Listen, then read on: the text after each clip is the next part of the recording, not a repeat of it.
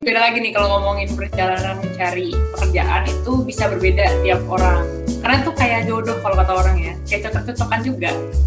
Nah jadi ya udah mereka belajar bahasa Inggris terus aku belajar bahasa Jepang. Jadi kita komunikasinya agak lucu sih. Mereka ntar ngomongnya Inggris-Inggris Jepang gitu. Aku ngomongnya Jepang tapi campur-campur Inggris juga kayak gitu.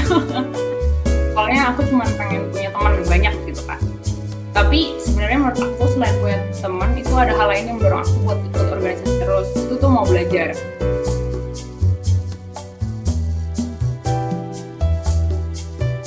Berarti salah satu soft skill juga ya yang dikembangin? Iya soft skill. Soft skill itu juga pasti banyak dapetnya dari itu sih pengalaman-pengalaman itu justru. Kalau hard skill kan mungkin dari kelas ya uh, lebih banyak belajar tentang ya pembelajar pelajaran-pelajaran kita tapi kalau soft skill itu justru lebih banyak aku dapatkan tuh di ya ekstrakurikuler itulah kalau bisa dibilang ekstrakurikuler ya oke okay. nah kan ngomongin soft skill kan kebetulan ini bang lagi emang angkat topiknya soft skill kan pengen ngomongin hmm. soft skill kepemimpinan uh, nah ada satu lagi yang penasaran banget pengen ditanya kita kapannya itu uh, gimana sih caranya ngebagi waktu kan okay. dengan di sela-sela kesibukan banyak itu? Hmm, paling gampangnya, ini by the way aku trial and error juga ya. Jadi mungkin menurut aku teman-teman juga harus coba trial and error sih karena be bisa beda-beda setiap orang. Tapi menurut aku yang paling dasar itu prioritas itu udah pasti. Jadi pasti kan banyak nih yang kalian kerjain, nggak cuman belajar doang. Ya belajar pun ada banyak nih tugas A, B, C gitu kan. Nah, itu prioritas. Prioritas itu dari apa sih tingkat kepentingannya sama uh, deadline-nya lah istilahnya atau spare waktu untuk mengerjakannya. Itu hal dasar yang kalian harus sudah tahu. Terus jadi nanti kalian bisa urutin nih mana yang harus dikerjain duluan. Dan dari situ ya harusnya kalian udah bisa tahu um, kapan kerjain kerjainnya, bikin timelinenya kayak gitu. Kalau misalkan kalian orangnya nggak bisa nggak kurang teratur gitu kurang disiplin sama diri kalian sendiri ya kalian bikin aja kayak sehari timetable gitu aku belajar ini satu jam dua jam gitu nah yang kedua tuh sebenarnya ini sih yang menurut aku juga penting. Itu adalah uh, kalian harus tahu fokus pen kalian gitu. Karena bisa beda-beda kan tiap orang. Misalkan nih Rea uh, bisa fokus 50 menit tapi aku cuma bisa 10 menit abis itu terdistraksi gitu. Nah itu kalian harus adaptasi sama itu. Pernah denger gak yang 25 menit 5 sama 50 10 pernah Ya, itu jadi kalian uh, fokus 25 menit, terus istirahat 5 menit, atau kalian fokus 50 menit, terus habis itu istirahat 10 menit. Nah, itu uh, yang berdasarkan peneliti, kebanyakan itu yang paling efektif. Tapi menurut aku kalian harus coba sendiri. Bisa aja dua itu tuh nggak works buat kalian. Kalian tuh mungkin ada di tengah-tengahnya. Nah, tapi ya jangan sampai nanti waktu istirahatnya lebih banyak daripada waktu fokusnya. Tetap uh, kalian harus ukur-ukur sendiri kayak gitu. Itu sih menurut aku yang paling penting. Oke, okay, thank you banget tuh tipsnya dari uh, Kak Fania. Nah, tadi kan di awal kita udah sempat ada satu hal yang kita simpan yaitu uh, ikut student exchange. Jadi Kak Fania hmm. ini student exchange ke Jepang tahun 2020 ya, Kak? Iya, tuh. Itu boleh diceritain Kak gimana pengalamannya, habis itu gimana caranya ikut bisa ikut student exchange itu? Hmm, oke. Okay. Jadi um, ini sebenarnya salah satu impian lah, impian aku sejak maba ya. Aku pengen banget dapat international exposure Nah, waktu itu sempat dapat juga sih dari lomba. Jadi lombanya yang aku ikutin tuh yang produk design itu kan uh, internasional. Jadi emang sempat dapat lah internasional exposure-nya sedikit gitu. Nah, tapi aku tetap pengen cobain uh, yang akunya yang keluar bukan orang-orang luarnya yang ke Indonesia kayak gitu. Akhirnya aku memutuskan buat ikut student exchange itu. Nah, waktu itu uh, dari IO International Office tuh emang selalu ngebuka gitu sih ada BUD di Unpar Delegation itu dulu sih dibuka setiap tahun. Aku kurang tahu deh kalau sekarang. Mungkin nanti bisa cek di Instagramnya IO juga. Nah, uh, di situ tuh dikasih tahu ada um, apa chance chance perginya tuh apa aja. Jadi nggak cuma student exchange doang, tapi ada summer school dulu tuh, terus ada seminar, ada lomba kayak gitu. Itu banyak ada beberapa tipe gitu. Nah, cuman karena aku pengen dapat exposure-nya itu secara full, secara uh, benar-benar matang gitu, aku pengennya yang semester exchange. Jadi benar-benar satu semester di luar kayak gitu. Nah, um, terus ya aku lihat, aku juga baik tanya-tanya nih sama kakak tingkat yang dulu udah pernah semester exchange kan, jadi aku udah bisa atur strategi juga. Jadi waktu itu aku selesaiin semua mata kuliah aku sampai semester 7, jadi semester 8 itu udah tinggal skripsi aja gitu. Jadi skripsinya waktu itu sampai semester exchange. terus apalagi nih yang mau ditahuin? Aku bingung sekarang cerita ya.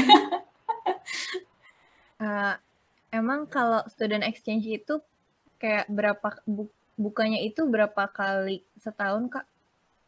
Kalau semester exchange, iya berarti dua kali karena kan ada spring semester sama fall semester gitu biasanya.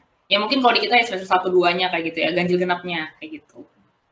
Uh, kalau dari yang pengalaman Kavania itu ketemu siapa aja sih kak di sana di Jepang itu dan di kota hmm. mana? Oh oke. Okay. Jadi aku tuh exchange-nya ke ini Seinan Gakuen University di Fukuoka Jepang. Waktu itu Bali, ya jadi juga orang himpunan tuh ya. jadi kita berdua, skripnya juga mirip samaan, dosen pembimbingnya sama juga. Nah, terus di sana itu banyak ketemu sama orang-orang uh, from all around the world karena jadi di Seinan Gakuen itu dia bikin satu divisi sendiri atau satu departemen sendiri itu tuh international division. Jadi semua orang yang dari seluruh dunia yang exchange ke Seinan Gakuen itu dikumpulin dalam satu departemen itu. Jadi kita tuh kelasnya tuh bareng sama orang-orang exchange lainnya. Nah, jadi waktu itu emang banyak ketemunya sih sama justru sama orang Jepangnya tuh nggak ketemu kalau di kelas ya lebih ketemunya sama orang-orang yang exchange juga. Nah, cuma waktu itu aku pengen uh, dapet temen Japanese juga, jadi aku tuh ikut klub gitu di sana student club gitu. Itu tuh orkestra. Jadi karena aku kan emang SMA dulu main orkestra, terus di Unpar kan nggak ada klub orkestra atau KM orkestra, jadi aku kangen juga lah pengen ikutan orkestra. Nah, di situ ikut tuh sama mereka, jadi banyak berteman juga sama orang-orang Jepangnya. Nah, yang aku seneng itu karena orang Jepang kan um, emang nggak semua bisa bahasa Inggris ya kan? Dan aku juga kemampuan Jepangnya kayak ya rendah banget lah gitu kan. Cuman bisa uh, ngomong satu dua tiga doang gitu ichi nisan doang gitu. Nah uh, jadi tapi mereka itu yang ada di student clubnya itu tuh um, apa ya pengen belajar bahasa Inggris pengen ngajak aku ngobrol.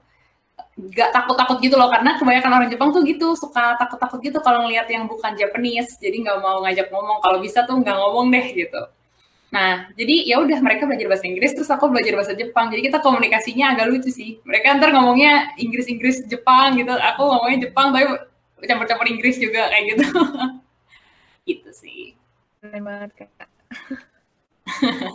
kalian ada keinginan buat ini juga student exchange.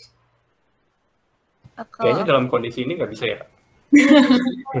Ini kebanyakan online sih sekarang ya. Mm-mm. Tunggu mungkin nanti kali kalau iya, udah bisa, ada bisa. nah kak, um, kan tadi uh, dari tadi udah ngomongin banyak hal nih kak. Aku hmm. pengen hmm.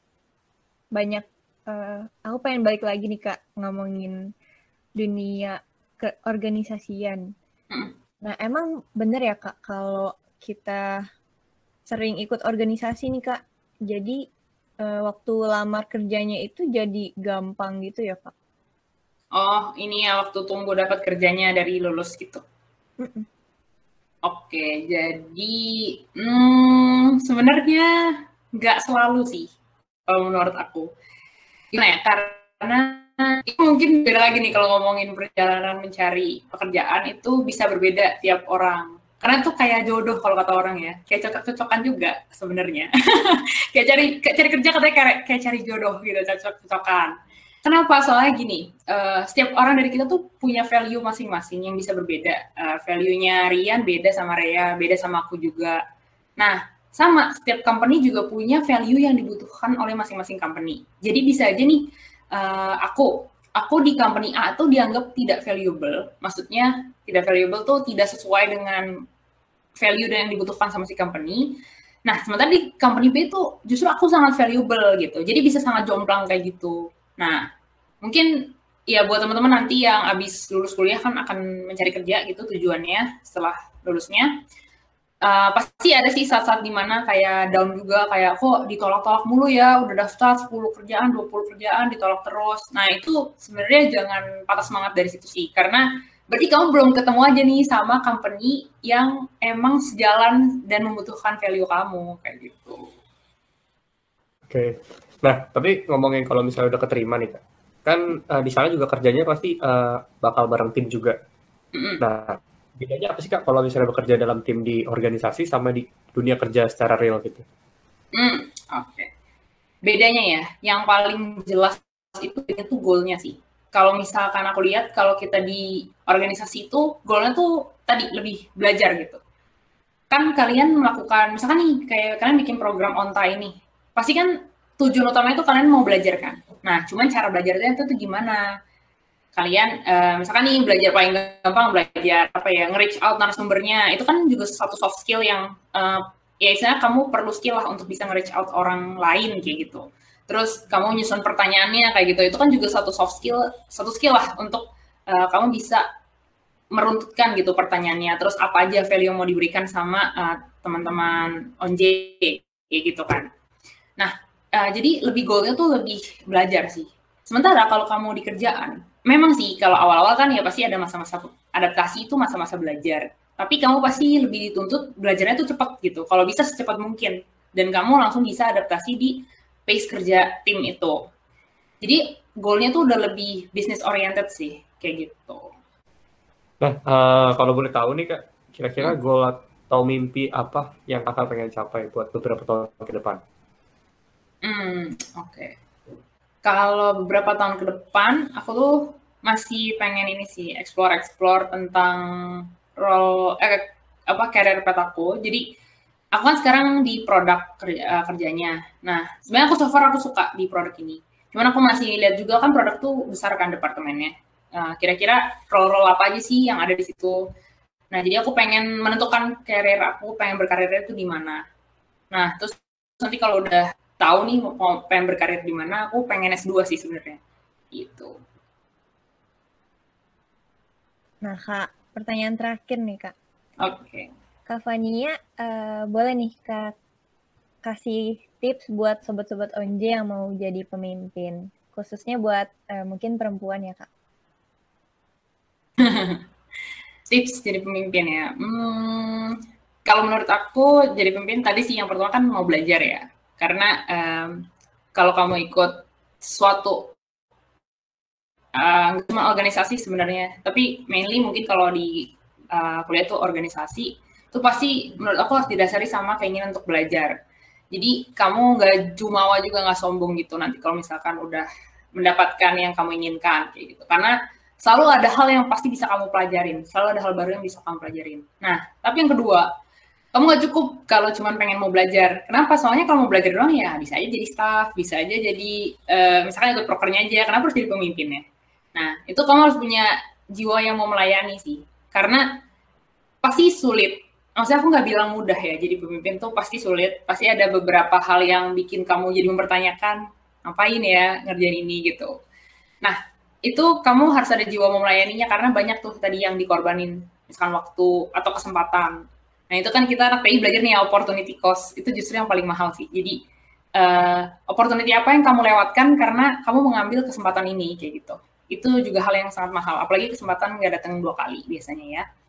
Sama yang ketiga menurut aku selain kamu melayani uh, tadi kamu harus punya tujuannya. Karena tadi kan kan akan ada hard times di mana kamu mempertanyakan diri sendiri, aduh ngapain yang ngerjain ini udah susah, gak ada untungnya buat aku kayak gitu. Nah tapi kalau kamu punya tujuan ini, kamu itu yang akan mendorong kamu terus kayak oh iya aku ngerjain ini karena ada tujuan A kayak gitu. Dan ini yang harus aku capai karena apa? Karena ini ini ini ini dan itu akan bikin istilah jadi uh, fuel lah untuk mendorong kamu buat maju terus kayak gitu. Oke, makasih ya kak tipsnya. Jadi uh, sebenarnya kalau mau jadi pemimpin itu kita harus banyak-banyak belajar guys. Kayak iya, uh, mungkin mulai dulu aja jadi staff. Uh, jangan langsung tiba-tiba pemimpin kalau mungkin kalian uh, masih mencari uh, keberanian kalian ya. Uh, okay. Sayangnya pertanyaan dari kita udah habis nih Kak. Tapi uh, untuk menutup sesi wawancara kita, kita bakal ada uh, games kecil-kecilan nih Kak. Kayak hmm. uh, jadi aku bakal kasih dua pilihan dan Kak Fania harus pilih salah satunya uh, dengan cepat gitu Kak. Nah. Oke. Okay. Oke. Okay. Aku mulai ya Kak. Aduh deg-degan nih. gampang kok, gampang Kak. Oke. Okay. Oke. Okay. Pilih traveling atau food hunting? Waduh, dua-duanya lagi traveling deh. Oke. Oke, lanjut S2 atau nikah kak? S2. Nah, karena Kak Fania milih S2, eh, Kak Fania pilih S2 di luar atau di dalam negeri? Di luar. Oke. Kalau kerja pilih di startup atau multinational company? Multinational company. Em, sibuk kerja atau mendem di rumah? Waduh. Sibuk kerja. Oke. Kalau kerja pilih nyicil atau deadliner? Apa nyicil atau apa? Deadliner. Deadliner. Jangan ditiru ya teman-teman. Waduh. Nah, Kak, pilih HMPSTI atau LKM? Waduh. Ini pertanyaan-pertanyaan menjebak ini ya. Tidak bisa ini dipilih berbeda ini. Harus pilih kak. Pastinya. Aduh, dua-duanya di hati sih gimana ya? Waduh, Di skip aja, di nonton. skip. Apa? Kayaknya yang nonton lebih banyak KMPSTI deh kak. Aduh. Iya, HMPSTI, HMPSTI. Oke. Eh, lanjut, eh, pilih tinggal di Indonesia atau di Jepang? Hmm, di Jepang. Aku pengen coba dulu. Oke. Nah, tri- eh, trivianya udah habis. Gak kerasa ya, udah eh, 40 menit nih kita ngobrol bareng sama Kak Fania. Hmm. Iya ya, Ri, nggak nggak berasa banget. Dalam 40-an menit ini kita bisa dapat banyak hal dari Kak Fania. Semoga obrolan kita hari ini bisa bermanfaat ya buat ob- sobat-sobat Onje yang lagi mendengarkan. Oke, sebelum kita tutup onta hari ini, eh, Kak Fania dipersilahkan untuk memberikan kata penutup buat memotivasi, bisa berupa pesan atau wejangan bagi sobat OJ yang menyaksikan onta ini. Oke, sebelumnya terima kasih ya sama Rea, Rian, dan juga eh, HMPS TI udah kasih aku kesempatan nih buat ngobrol-ngobrol lagi sama teman-teman dari TI, sama teman-teman dari HMPS TI. Eh, terus semoga bermanfaat buat teman-teman semua. Aku hanya sharing pengalaman aku, tapi pasti teman-teman punya peng- apa pengalamannya masing-masing, punya struggle masing-masing, dan yang mungkin berbeda sama apa yang aku alamin dulu pas zaman aku kuliah. Jadi em, semoga itu membantu teman-teman cukup eh, apa banyak sedikit dan kalau misalkan ada misalkan mau nanya-nanya atau mau ngobrol-ngobrol aku sangat open juga. Nanti kita bisa ngobrol-ngobrol, bisa eh, reach out aja mungkin dari teman-teman HMPSTI juga. Terus udah sih paling dari aku itu aja. Oke, bagus banget nih pesan dari Kak Fania. Semoga pesan ini bisa jadi wejangan ya buat teman-teman Onje yang lagi mendengarkan nih. Untuk Kak Fania, kita uh, mau ngucapin thank you nih Kak buat kesediaan waktu sama sharing pengalamannya. Terima kasih juga ya. Thank you Kak Fania, sukses buat eh, pekerjaannya. Dan terima kasih juga buat Sobat OJ yang telah menyaksikan onta kali ini. Sampai ketemu di episode berikutnya. Dan Dadah. Dadah!